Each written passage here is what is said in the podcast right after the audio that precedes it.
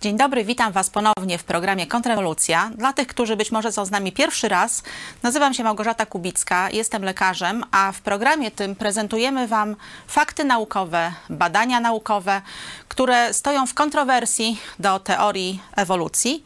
I dzisiaj kontynuujemy kwestię yy, pochodzenia człowieka. To już jest kolejny wykład i dotyczyć będzie jaskiniowców.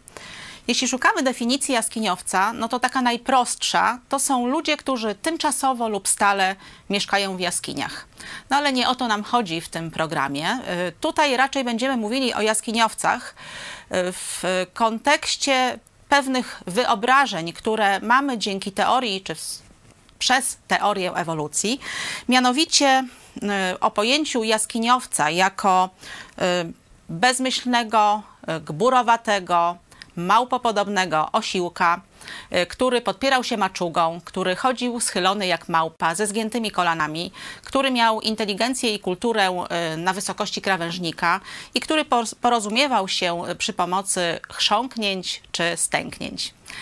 Czy takie istoty rzeczywiście w historii ludzkości istniały? Otóż y, badania genetyczne nie potwierdzają, aby istnienie małpoluda z punktu widzenia genetyki w ogóle było możliwe. Mamy też duże problemy z dowodami kopalnymi. A zatem w jaki sposób można uzyskać małpoluda? I opowiadałam Wam o pewnych sposobach e, ich uzyskania. Dzisiaj dowiemy się o trzecim. Pierwszy z nich e, to było e, takie zmiksowanie kości na przykład małpy i człowieka, żeby totalnie sfałszować e, znalezisko.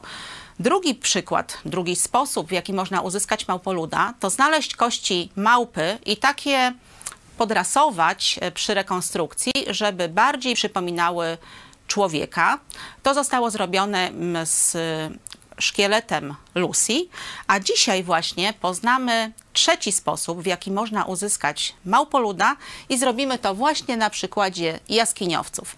Poproszę pierwszy slajd. Jaskiniowców, y, których zresztą y, wizeruneków macie mnóstwo w internecie, w podręcznikach, w filmach, w muzeach czyli wczesnych ludzi, którzy dzielili się na różne grupy. Te grupy zasiedlały Y, dość duże tereny, bo oni są znajdowani zarówno na Bliskim Wschodzie, w Europie, w Azji, w Afryce. I nazwa jaskiniowcy jest troszkę krzywdząca dla nich, dlatego że byli to ludzie, którzy czasami tymczasowo pomieszkiwali w jaskiniach, y, czasami grzebali tam y, swoich zmarłych. Będziemy więc mówić o Neandertalczyku, o Denisowiańczyku, o Homo naledi, o człowieku z czy Homo floresiensis. Jeśli o nich chodzi, y, najbardziej chyba y, bogate badania naukowe i najwięcej szczątków, bo to jest ponad 100 szkieletów, znaleziono w odniesieniu do Neandertalczyka. W związku z tym najwięcej będziemy mówili o Homo neanderthalensis. Pierwsze takie szczątki neandertalczyka znaleziono w 1856 roku w Dolinie Neandertalu, stąd nazwa, w Niemczech. To, co znaleziono, y, to stworzenie miało czaszkę troszeczkę specyficzną, nieco różniącą się od ludzkiej, mianowicie y, miało takie charakterystyczne wystające wały nadoczodołowe, czyli te łuki były troszeczkę przesunięte do przodu. I niemieccy naukowcy zastanawiali się, co to mógł być za człowiek. Y, były takie dwie najbardziej popularne wersje. Pierwsza z nich była taka, że jest to człowiek, który cierpiał na przykład na niedobór witaminy D, czyli miał y, krzywicę. Y, podejrzewano też i innego rodzaju schorzenia, tudzież y, upośledzenie umysłowe. Natomiast druga wersja była taka, że jest to starożytna rasa ludzka, która została unicestwiona w potopie. Y, I chciałam zaznaczyć, że nie pomyliłam się. Tak myśleli naukowcy pod koniec XIX wieku. W tamtym okresie mm, potop był traktowany w nauce, w geologii poważnie i całą historię y, człowieka dzielono na okres przedpotopowy, czyli przeddyluwialny i postdyluwialny. Takie były wersje e, początkowe i chciałabym zaznaczyć jedno, że niezależnie od tych wersji nikt nie poddawał wątpliwość, że te szczątki Neandertalczyka były szczątkami człowieka. Człowieka, a nie przodka e, człowieka. Były to czasy jeszcze przed y, wydaniem książki Karola Darwina o pochodzeniu człowieka, a zatem y, ten taki pogląd y, ewolucyjny na historię naszego życia nie był znany i nie był wśród naukowców akceptowany. Książka o pochodzeniu człowieka została wydana w 1871 roku i chciałabym podkreślić Karol Darwin nie dysponował żadnymi dowodami naukowymi na tą ewolucję człowieka od jakichś y, pra małpo y, przodków, jaką podał w tej książce.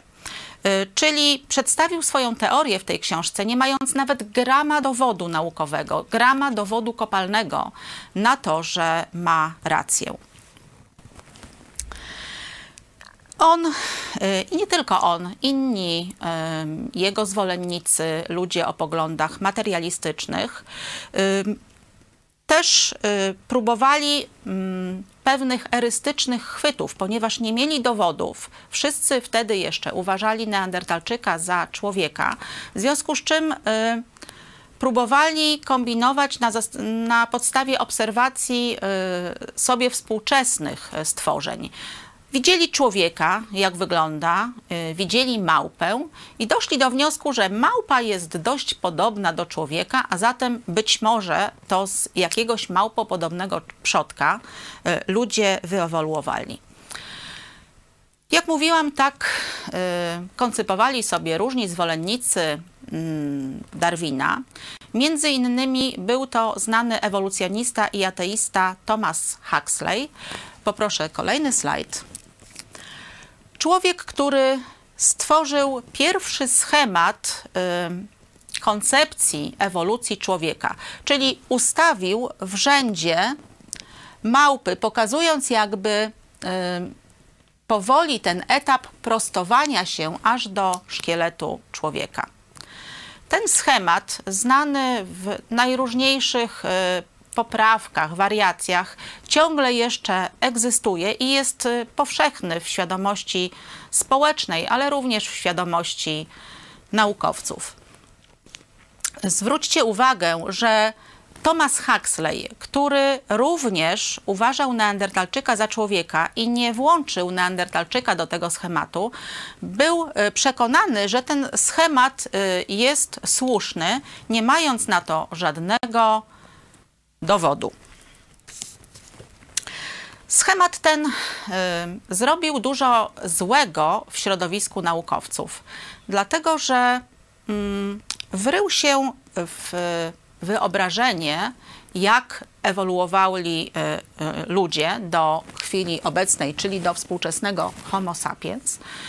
I y, kiedy naukowcy próbowali e, robić różne odkrycia archeologiczne, paleoantropologiczne, w jakiś sposób e, sugerowali się tym schematem, czyli jakby wiedzieli, e, co powinni znaleźć, żeby to zostało uznane za ogniwo pośrednie. Oczywiście przy takich znaleziskach, chociażby człowieka z Pildown, człowieka z Nebraski, innych, naukowiec z reguły stawał się sławny, sypały się tytuły, sypały się zaszczyty. To były konkretne wartości. Później e, były to granty naukowe, a jak powiedział kiedyś e, pewien mądry człowiek, e, tam gdzie stawka jest wysoka i chodzi o duże pieniądze, tam zawsze nie każdy gra uczciwie. Dlatego jeśli chodzi o naukę, to dziedzina paleoantropologii bije chyba inne na głowę, jeśli chodzi o ilość oszustw, y, jakie zostały dokonane. Pierwszy człowiek, który zakwestionował to, że e, Neandertalczyk jest człowiekiem, to był geolog. Poproszę slajd. Nazywał się e, William King. A tutaj jeszcze może poproszę o poprzedni slajd. E, tutaj mamy jedno z e, fałszerstw e, paleoantropologicznych. Jedno z takich, gdzie właśnie naukowcy sugerowali się tym schematem Thomasa Huxleya. Mianowicie ta para została utworzona z znaleziska, którym był jeden trzonowy ząb. Na jego podstawie odtworzono właściciela jakoby tego zęba trzonowego, tudzież jego żonę. Y, jeśli chodzi o ten ząb, historia była jeszcze ciekawsza, dlatego że y, przy dalszych y, badaniach odkrywkowych, bo na początku znaleziono tylko jeden ząb, okazało się, że ten ząb w ogóle nie należał do szkieletu człowieka, tylko do szkieletu dzikiej świni. Także było to jedno z bardziej śmiesznych e, fałszerstw e, antropologicznych. Poproszę kolejny slajd. I tutaj mamy właśnie geologa Williama Kinga, który e, pierwszy zasugerował, że Neandertalczyk nie jest człowiekiem.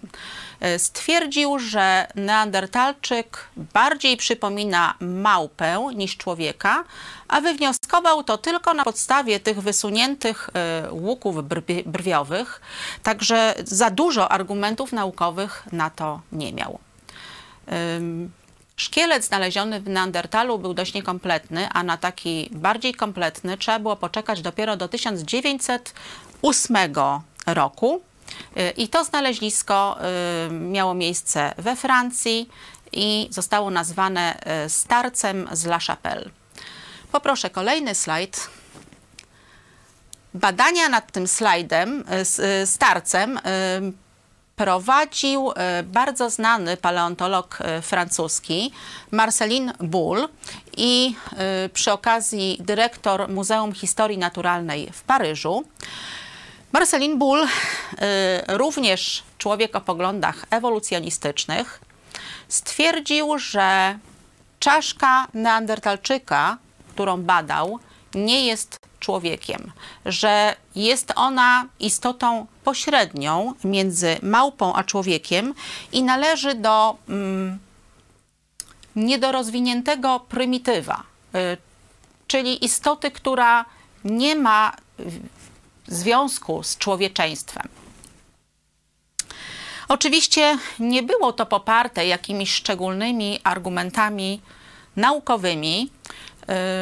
Ból generalnie opierał się poza tymi troszeczkę wysuniętymi wałami brwiowymi, tym, że starzec z La Chapelle był pochylony, jego kręgosłup był zgarbiony i nogi w kolanach były przykurczone. Stąd y, wywnioskował, że to stworzenie, które było przygarbione, y, nogi zgięte, że ono po prostu poruszało się jak małpa.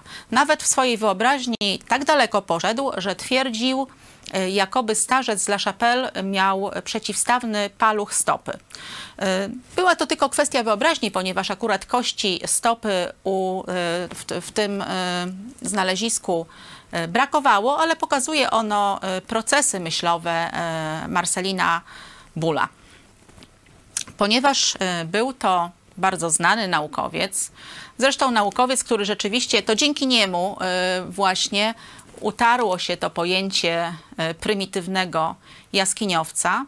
No i niewątpliwie jego zdanie wpłynęło na świat naukowy i utrwaliło takie podejście do Neandertalczyka.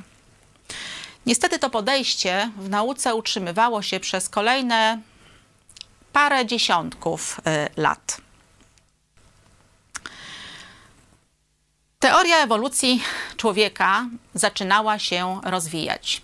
Dyrektorzy muzeów przeczesali archiwa swoich muzeów, poznajdowali różne szkielety, czaszki, które wcześniej były schowane y, do piwniczek muzealnych jako przykłady różnych deformacji y, ludzkiego szkieletu, odkurzyli je, wypolerowali i wystawili jako eksponaty świadczące o ewolucji człowieka. Ale to nie wszystko. Sytuacja rozwijała się dalej. Poproszę kolejny slajd. Tak właśnie wyobrażano sobie Neandertalczyka i ten y, Zarówno zwróćcie uwagę, że przecież nie ma żadnych dowodów na to, że był tak nadmiernie owłosiony. Y, nie ma dowodów y, bezsprzecznych naukowych, że był y, zgarbiony, że był podobny do małpy, że był prymitywem, że porozumiewał się przy pomocy zwierzęcych odgłosów. Poproszę kolejny slajd. Kolejnym krokiem w rozwoju takiego podejścia do Neandertalczyka y, była książka Walka o ogień. Ale książka jak książka, y, jeszcze większym krokiem była ekranizacja tej książki. Bardzo głośny film y, Walka o ogień. Poproszę slajd kolejny. Film, który pamiętam z dzieciństwa. Y, I rzeczywiście pamiętam, że y, wszystkie dzieciaki zafascynowane oglądały, jak to kiedyś w starożytności ten świat niesamowicie wyglądał. Także zdecydowanie ten film wpłynął na nasze postrzeganie Neandertalczyka jako prymitywa, jako podludzia, jako y, zwierza machającego maczugą jako zupełnie odrębny gatunek, z którym, jeśli chodzi o człowieczeństwo, praktycznie się nie identyfikowaliśmy. Przy okazji, e, takie podejście do Neandertalczyka e, pozwalało zaakceptować również części świata naukowców e, jakiś, jakąś koncepcję na temat, dlaczego Neandertalczyk wyginął, a my żyjemy. No generalnie sprawa była prosta, mianowicie skoro był taki prymitywny, skoro generalnie nie potrafił mówić, skoro y, miał zachowania na poziomie zwierzęcia, na poziomie małpy i skoro y, jego inteligencja i kultura y, była głęboko niedorozwinięta, w związku z tym stwierdzono, że przygłupy same siebie załatwiły. Tak jak dzisiaj się daje nagrody Darwina za wyjątkowo durny sposób e, uszkodzenia swego ciała czy spowodowania śmierci. Tak twierdzono o neandertalczykach. Do takiego poziomu sprowadzono wiedzę o nich. Troszeczkę zaczęło się dziać dopiero w połowie XX e, wieku w nauce inaczej. Poproszę następny slajd. I o tutaj jeszcze mamy kadr e, z filmu pokazującego właśnie E, różne działania tych małpoludów. A naukowcem, który troszeczkę zmienił podejście do Neandertalczyka, był amerykański archeolog Ralph Solecki. Człowiek, który robił razem z zespołem badania w Iraku w jaskini Shanidar. Tam znaleziono kilka szkieletów e, neandertalczyków, także materiał do badania był dość duży. E, Ralf Solecki zauważył, że znalazł jeden szkielet, który miał dość y, poważnie uszkodzone kończyny dolne. Na tyle, że eksperci stwierdzili, że y, raczej duże trudności ta osoba miała z poruszaniem się. Ponadto uszkodzone miała y, twarzoczaszkę, dość, znaczy zgnieciony mm, kawałek oczodołu, na tyle poważnie, że y, również eksperci stwierdzili, że nie ma szans, żeby oko ocalało, w związku z czym przynajmniej na jedno oko y, ten człowiek był ślepy. A mimo to przy dalszych badaniach stwierdzono, że te złamania, te zgniecenia się zagoiły. Czyli ten człowiek musiał żyć jakiś jeszcze dłuższy czas po doznaniu urazu. Ponieważ wniosek naukowców był jasny, że osoba, która nie, nie porusza się, e, nie widzi przynajmniej na jedno oko, a żyje w dość trudnych warunkach, e, miałaby słabe szanse na przetrwanie, założono, że jest oczywistą rzeczą, że ktoś musiał karmić go wtedy, kiedy był poważnie połamany, musiał się nim opiekować, kiedy wracał do zdrowia. Ralf Solecki również w jaskiniach odkrył jeszcze jedną ciekawą rzecz, poproszę kolejny slajd. Mianowicie y, przy szczątkach neandertalczyków znalazł duże ilości kwiatów. Nie były to jakieś zioła, którymi żywiły się zwierzęta, tylko po prostu zwykłe kwiaty, które y, w dużej ilości znajdowały się w jaskini. Ponieważ znajdowały się one przy y, ułożonych szczątkach ludzkich, więc wniosek był naturalny, że Neandertalczycy grzebali tam swoich zmarłych i przynosili kwiaty, przynosili coś pięknego, żeby jakoś y, pożegnać tą osobę, którą y, lubili, kochali. Także zachowywali się jak ludzie. Ralf Solecki w związku z tym wysnuł dwa wnioski.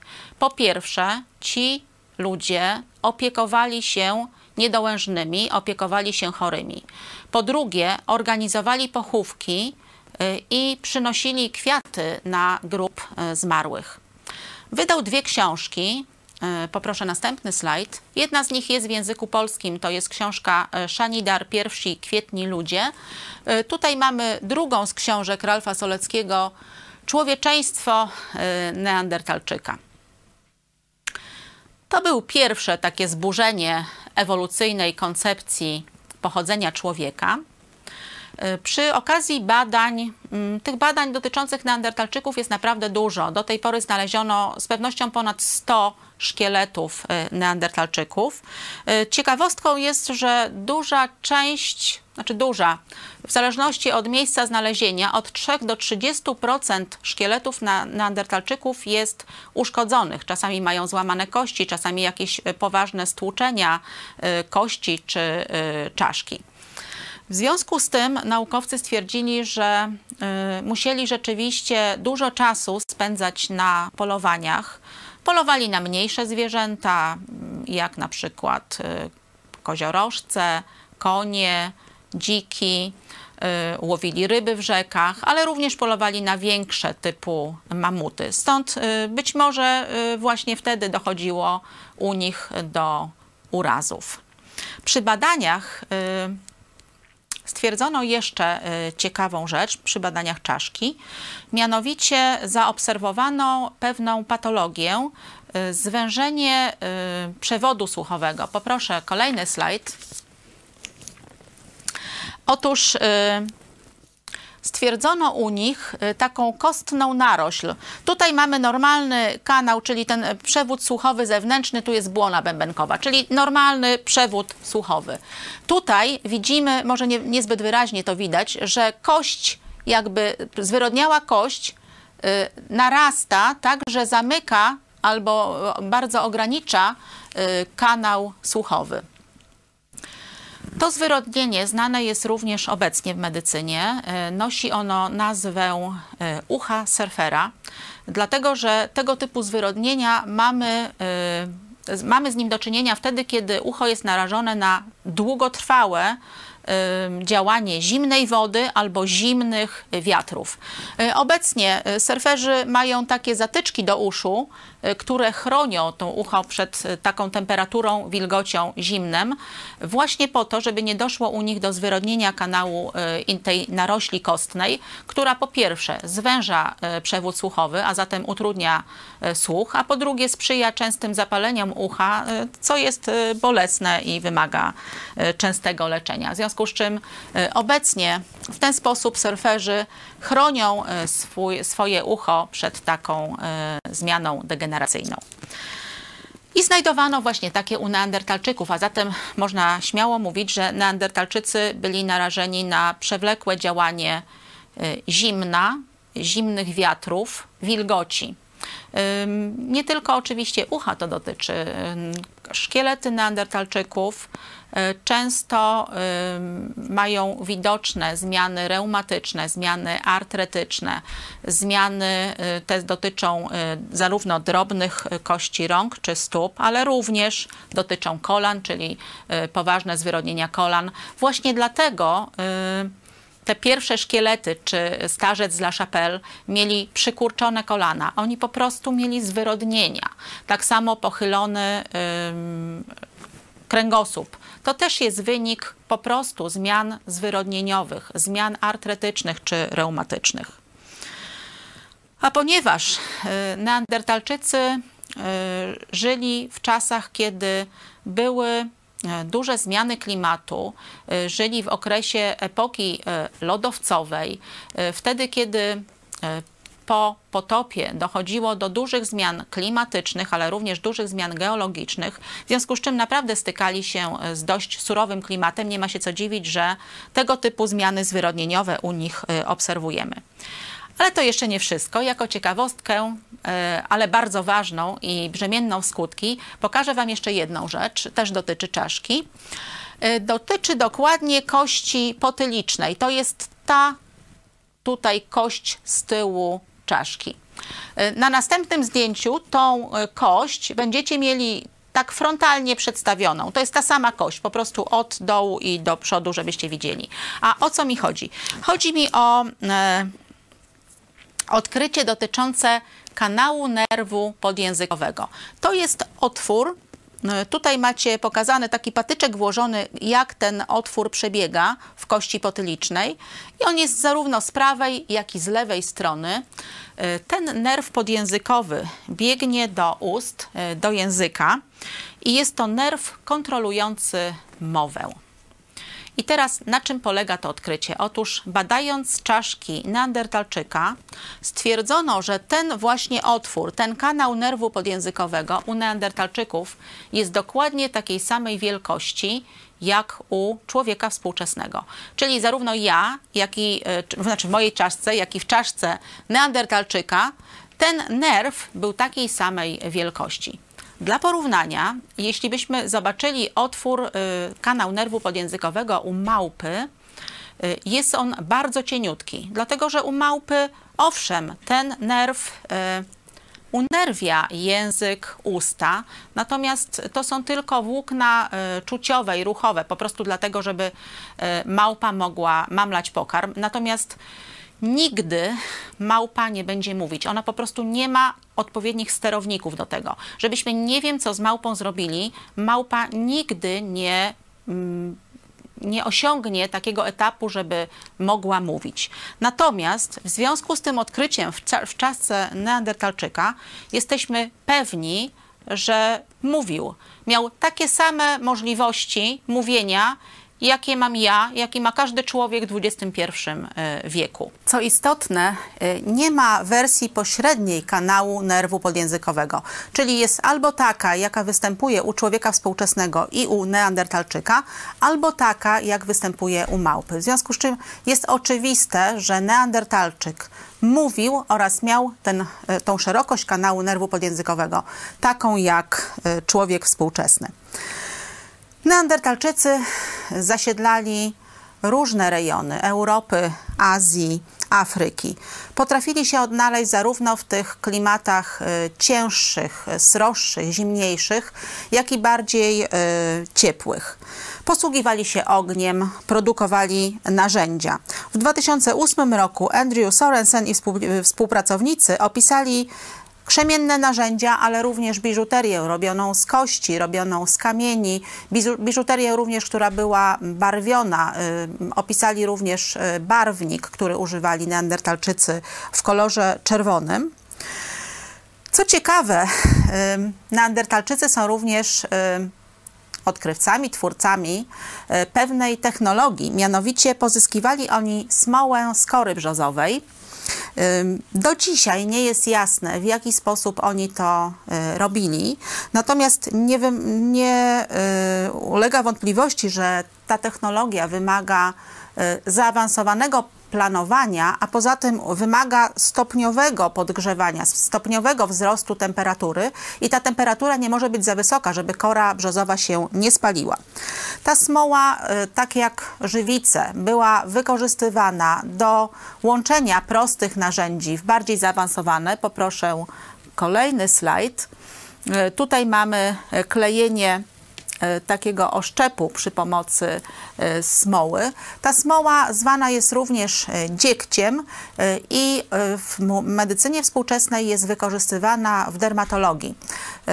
Maści dziekciowe, one mają taki charakterystyczny, powiedzmy, że zapach i są stosowane w leczeniu grzybic, w leczeniu łuszczycy, w leczeniu rumienia czy różnego rodzaju liszajców. Y, być może również Neandertalczycy wykorzystywali y, ją w podobny sposób.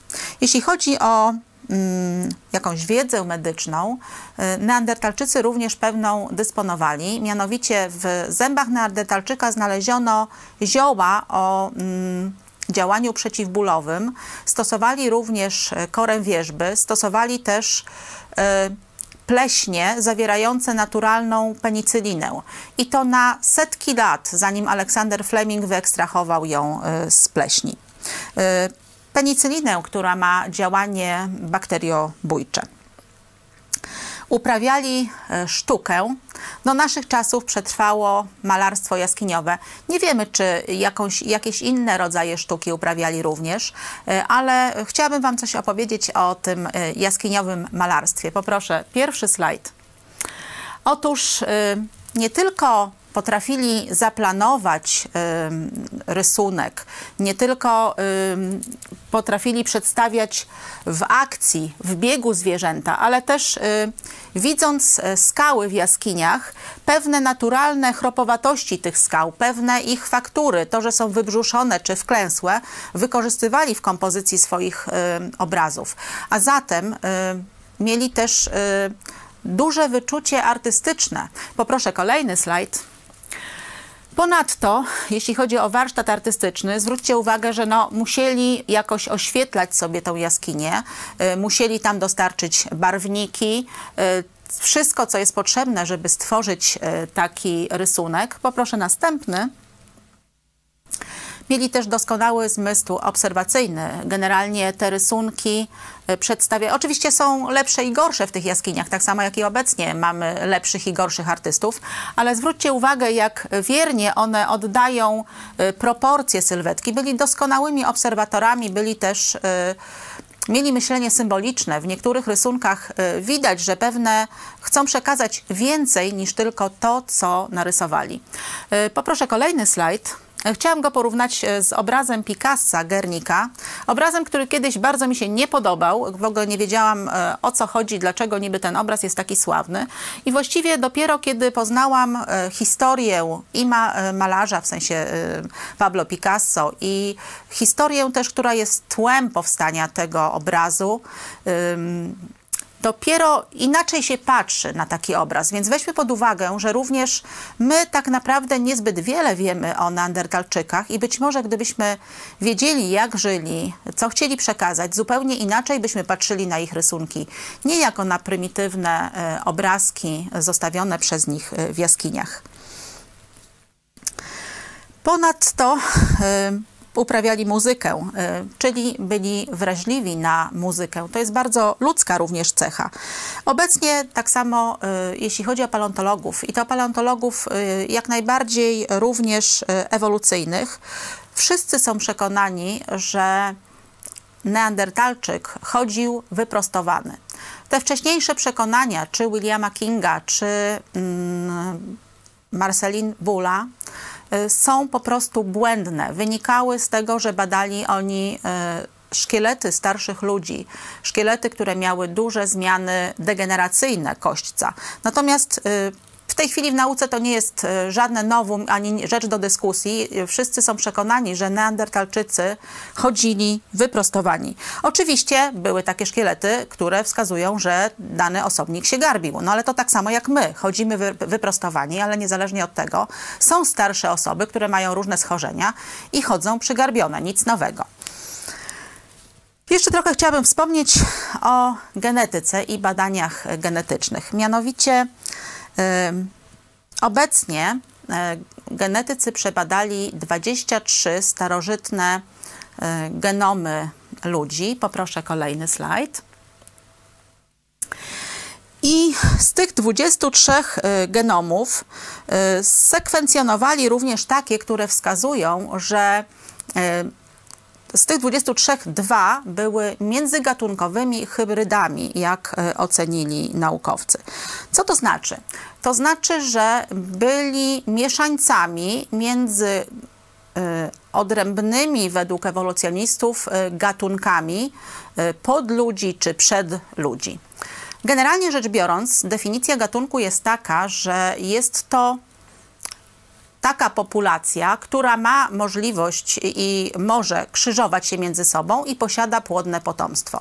No to jeśli na przykład są genetyczne dowody, że neandertalczycy krzyżowali się z denisowiańczykami albo że neandertalczycy krzyżowali się z człowiekiem współczesnym, no to by znaczyło, że należą do jednego gatunku, a nie, że są zupełnie odrębnym gatunkiem e, przed człowieka.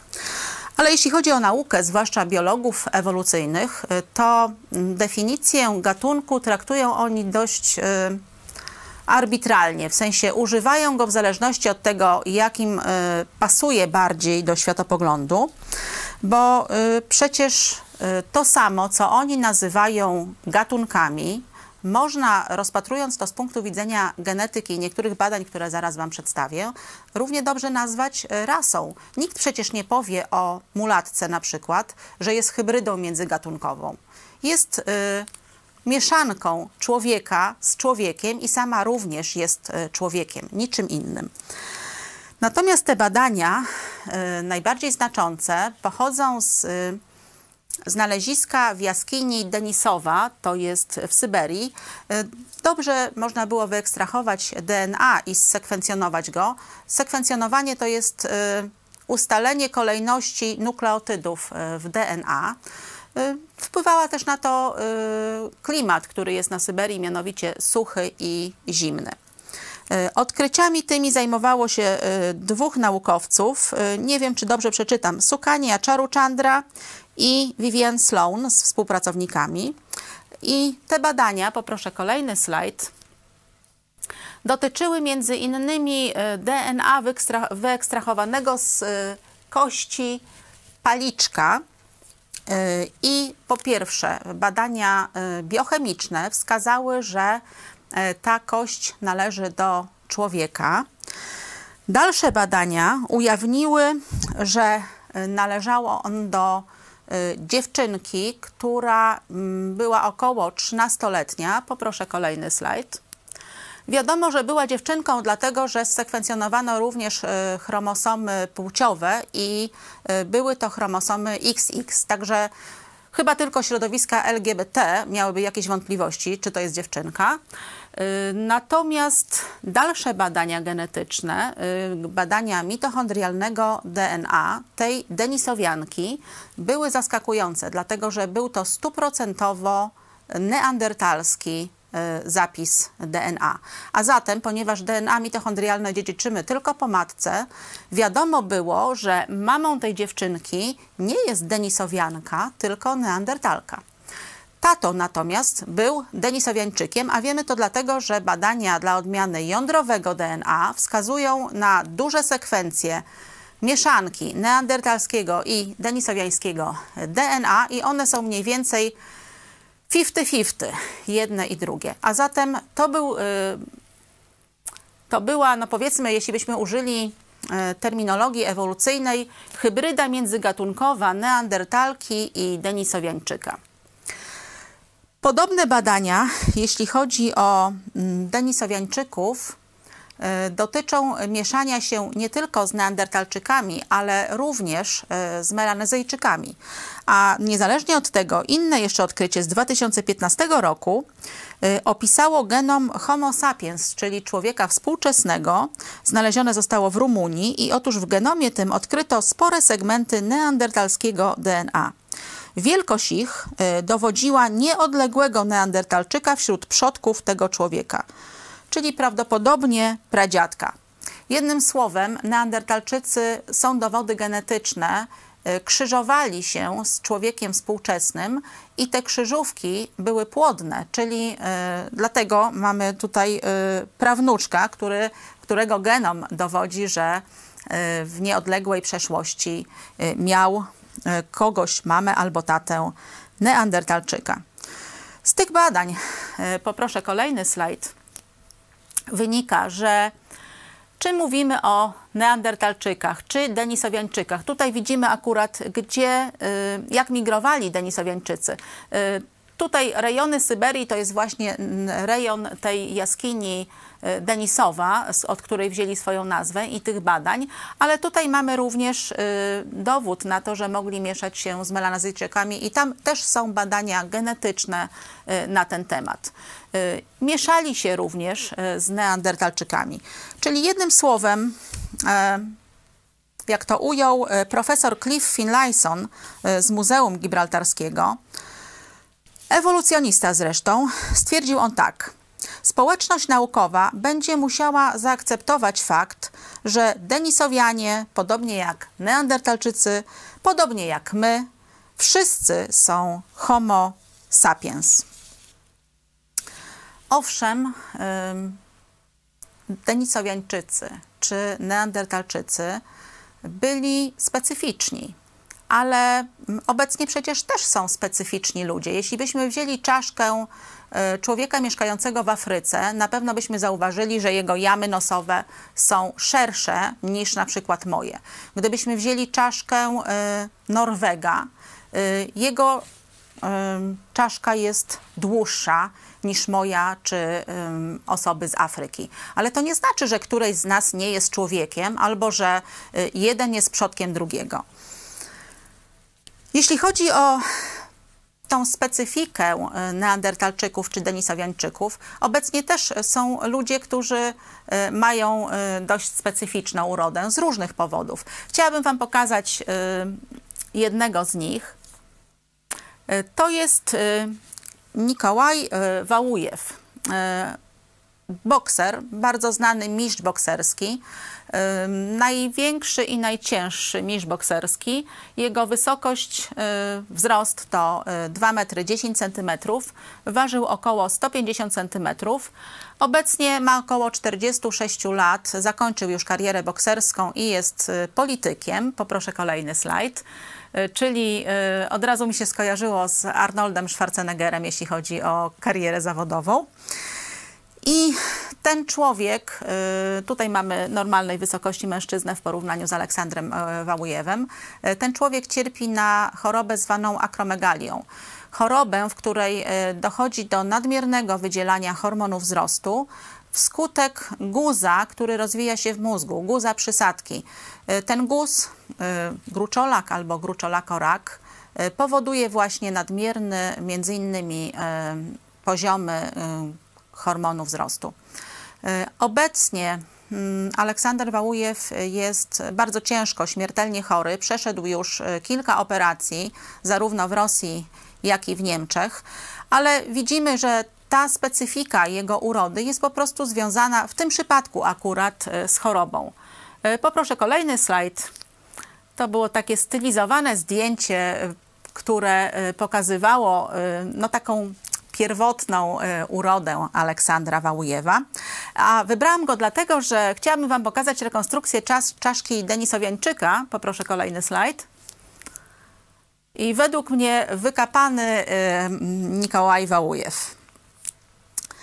Natomiast e, pod wpływem ideologii ewolucyjnej e, w podręcznikach szkolnych, e, w filmach, również w muzeach akcentuje się małpie cechy, czy denisowiańczyków, czy, znaczy denisowiańczycy to powiedzmy w podstawówce nie są znani, ale neandertalczyka. Skupia się na tych cechach, które y, mają sugerować, mają nas przekonać, że to jest ogniwo pośrednie.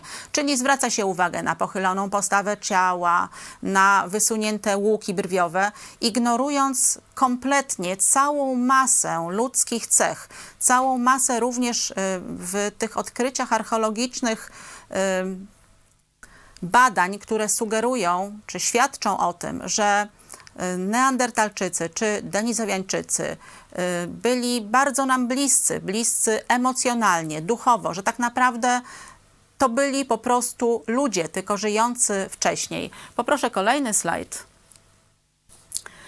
Ewolucjoniści ignorują również y, fakt, że czaszka neandertalczyka, jeśli chodzi o jej pojemność, jest o kilkanaście procent większa. I nie chcę przez to mówić, że w związku z tym neandertalczyk był jakiś wybitnie inteligentny i na pewno inteligentniejszy od nas, ale nie ma absolutnie powodów, żeby twierdzić, że jego inteligencja była od naszej niższa. To jest po prostu różna, są pewne wariacje. Jakbyście wzięli, jak mówię, moją czaszkę Norwega i na przykład Australijczyka, to takie różnice i jeszcze inne można w tych czaszkach y, znaleźć. Natomiast niezależnie od tego, te czaszki świadczą o tym, bo są, wszystkie są podobne tak naprawdę, że to jest tylko pewna niewielka zmienność w granicach czaszki ludzkiej.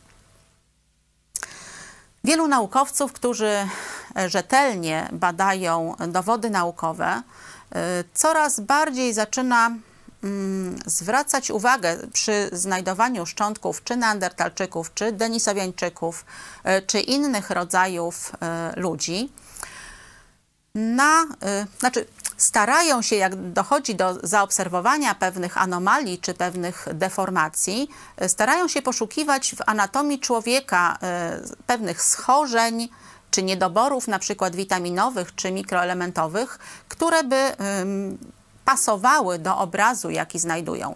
E, I rzeczywiście bardzo dużo takich obserwacji również dokonują. Powoli będziemy dochodzili do kolejnej kolejnego odkrycia, czyli Homo naledi. Poproszę kolejny slajd. Tu mamy właśnie e, tego e, człowieka. No rzeczywiście jego twarz jest, y, oczywiście to jest rekonstrukcja, ale niezależnie od tego widać, że ma on cechy, które y, mogłyby nas skłaniać do stwierdzenia, że no, może to jest jednak jakiś małpolud. Dlatego przedstawię Wam pewne badania dotyczące Homo naledi.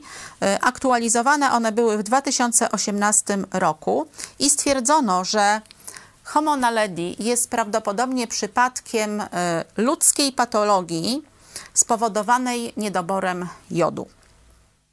Badania te prowadził dr Peter Lane i w artykule naukowym zastanawiający Homo naledi przypadek zmienności czy patologii u Homo erectus dr Lane podaje, że obszar odkrycia tego typu szkieletów E, pokrywa się z geograficznym tak zwanym pasem Wola.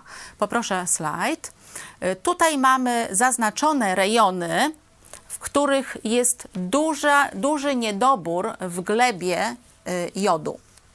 Na tych terenach zwłaszcza dawniej, e, występowały, występowało wśród ludzi sporo schorzeń spowodowanych drastycznym niedoborem jodu.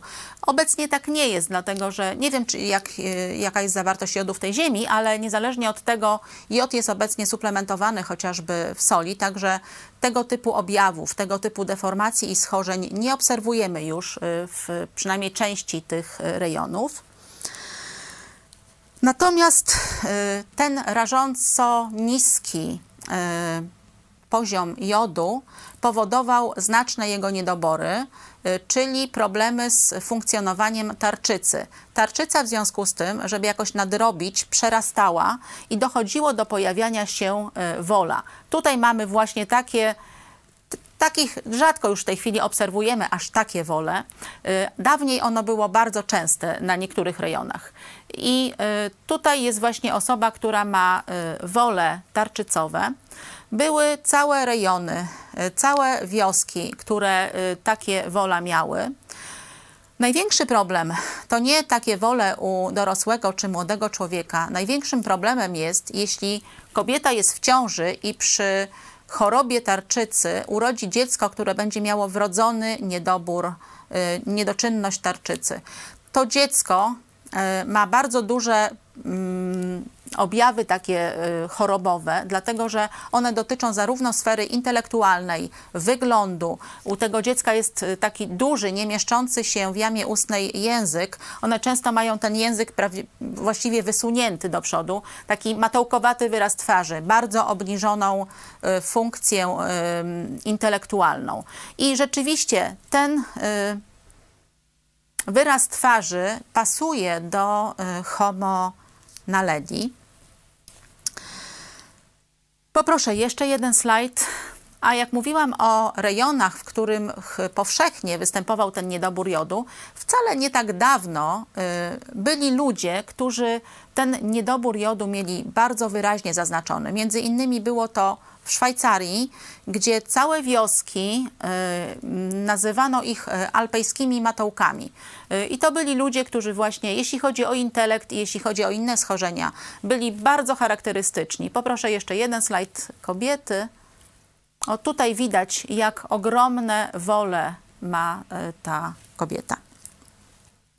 A zatem, jeśli chodzi o ludzi z starożytności, Tak, żyli oni w e, specyficznych warunkach. E, ten okres popotopowy był okresem dużej zmienności i klimatycznej, i geologicznej. E, nałożył się na to okres zlodowacenia. To były dość trudne, surowe warunki, ale ci ludzie radzili sobie świetnie w tych warunkach. Myślę, że obecnie Mam nadzieję, że my poradzilibyśmy sobie równie dobrze, jak radzili sobie oni.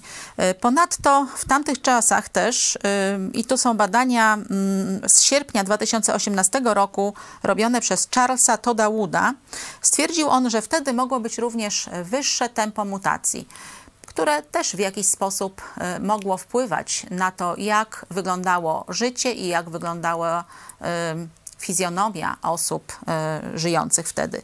Niezależnie od tego, czy mówimy o Neandertalczykach, Denisowiańczykach, Homo naledi czy innych, mamy przytłaczające dowody ich człowieczeństwa.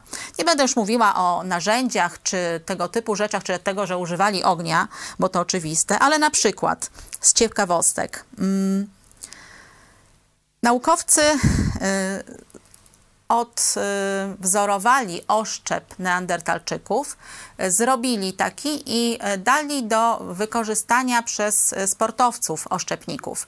I zdanie oszczepników było takie, że te oszczepy myśliwskie neandertalczyków są idealnie wyważone i doskonale wykończone. W związku z czym e, to nie były, wiecie, jakieś tam tylko prymitywne oszczepy to było tak wyważone narzędzie, którym świetnie można było y, działać na polowaniu.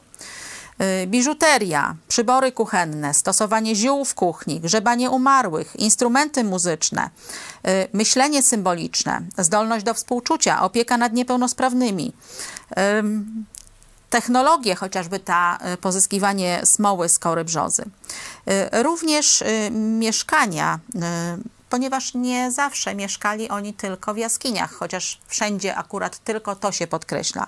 Mieszkali w domach z drewna okrytego skórami i w badaniach y, ostatnio włoskich archeologów Riel i Salvatore y, stwierdzili oni, że tam, gdzie pomieszkiwali dłuższy czas, dzielili przestrzeń jak w mieszkaniach. Y, poproszę kolejny slajd. E, czyli tutaj wykorzystam e, jedną ze swoich ulubionych bajek z dzieciństwa, czyli mogli mieć e, w jaskiniach sypialnię, kuchnię, salon telewizyjny, a jeśli chodzi o między nami jaskiniowcami, mm, bardzo lubiłam w dzieciństwie oglądać tą bajkę, a wzięłam ją, ten slajdzik, dlatego że ta bajka też pokazuje, że niezależnie od tego, że Fred Flintstone ubierał się tak, jak widzicie, i no tutaj to akurat zupełnie y, żartownie y, wyciosał sobie telewizor, ale niezależnie od tego, ich funkcjonowanie, ich odczuwanie, ich emocje, ich dowcipy były dokładnie takie same jak ludzi współczesnych. A zatem w badaniach nad Neandertalczykiem zwróćcie uwagę, że nauka zatoczyła kółko. Mianowicie pod koniec XIX wieku wyszła od przekonania, że to człowiek i po wszystkich y, dyrdymałach y, teorii dotyczącej pochodzenia człowieka, ewolucyjnej teorii, wróciła obecnie do przekonania, że to był jednak człowiek. A zatem, reasumując wykład, jaki jest ten trzeci punkt, w który można uzyskać y, małpoluda? Otóż robi się to w ten sposób. Znajduje się szkielet człowieka i przy rekonstrukcji tak go podrasowujemy, żeby bardziej przypominał małpi. Chcę Wam podkreślić jeszcze raz, że między nami a jaskiniowcami nie ma żadnej istotnej różnicy. To nie są oni i my. Poproszę kolejny slajd. To nie są jakieś y, małpowate stwory pozbawione kultury inteligencji, które nigdy poza zwierzęcymi oddźwiękami jakimiś y, nie wydawały z siebie głosu. Zresztą jeśli chodzi o jaskiniowców i pomieszkiwanie w jaskiniach, y, ta moda na pomieszkiwanie w jaskiniach przecież nie minęła razem z Neandertalczykami. W historii ludzkości na przykład Abraham był czas, że mieszkał w jaskini. Król Dawid również ze swoimi wojownikami był czas, że również y, przez jakiś czas zamieszkiwał jaskinie. W czasach średniowiecza Pustelnicy czy inni zakonnicy czasami mieszkali w jaskiniach. Obecnie również są ludzie, którzy z różnych powodów, bo się ukrywają, czy jest taka konieczność, y, mieszkają w jaskiniach. Tak samo Neandertalczycy, czy Denisowiańczycy, czy inni. Oni po prostu przez jakiś czas żyli w jaskiniach, albo na przykład tylko grzebali zmarłych w jaskiniach. Nie jest to żadnym dowodem, ani nie ma nic wspólnego z tak zwaną teorią ewolucji od małpopodobnego przodka. Zapamiętajcie, że Neandertalczycy, Denisowiańczycy, Homo floresiensis i inne odkrycia, oni nigdy, nigdy nie byli małpoludami. Dziękuję bardzo za wysłuchanie wykładu. Do zobaczenia na następnym.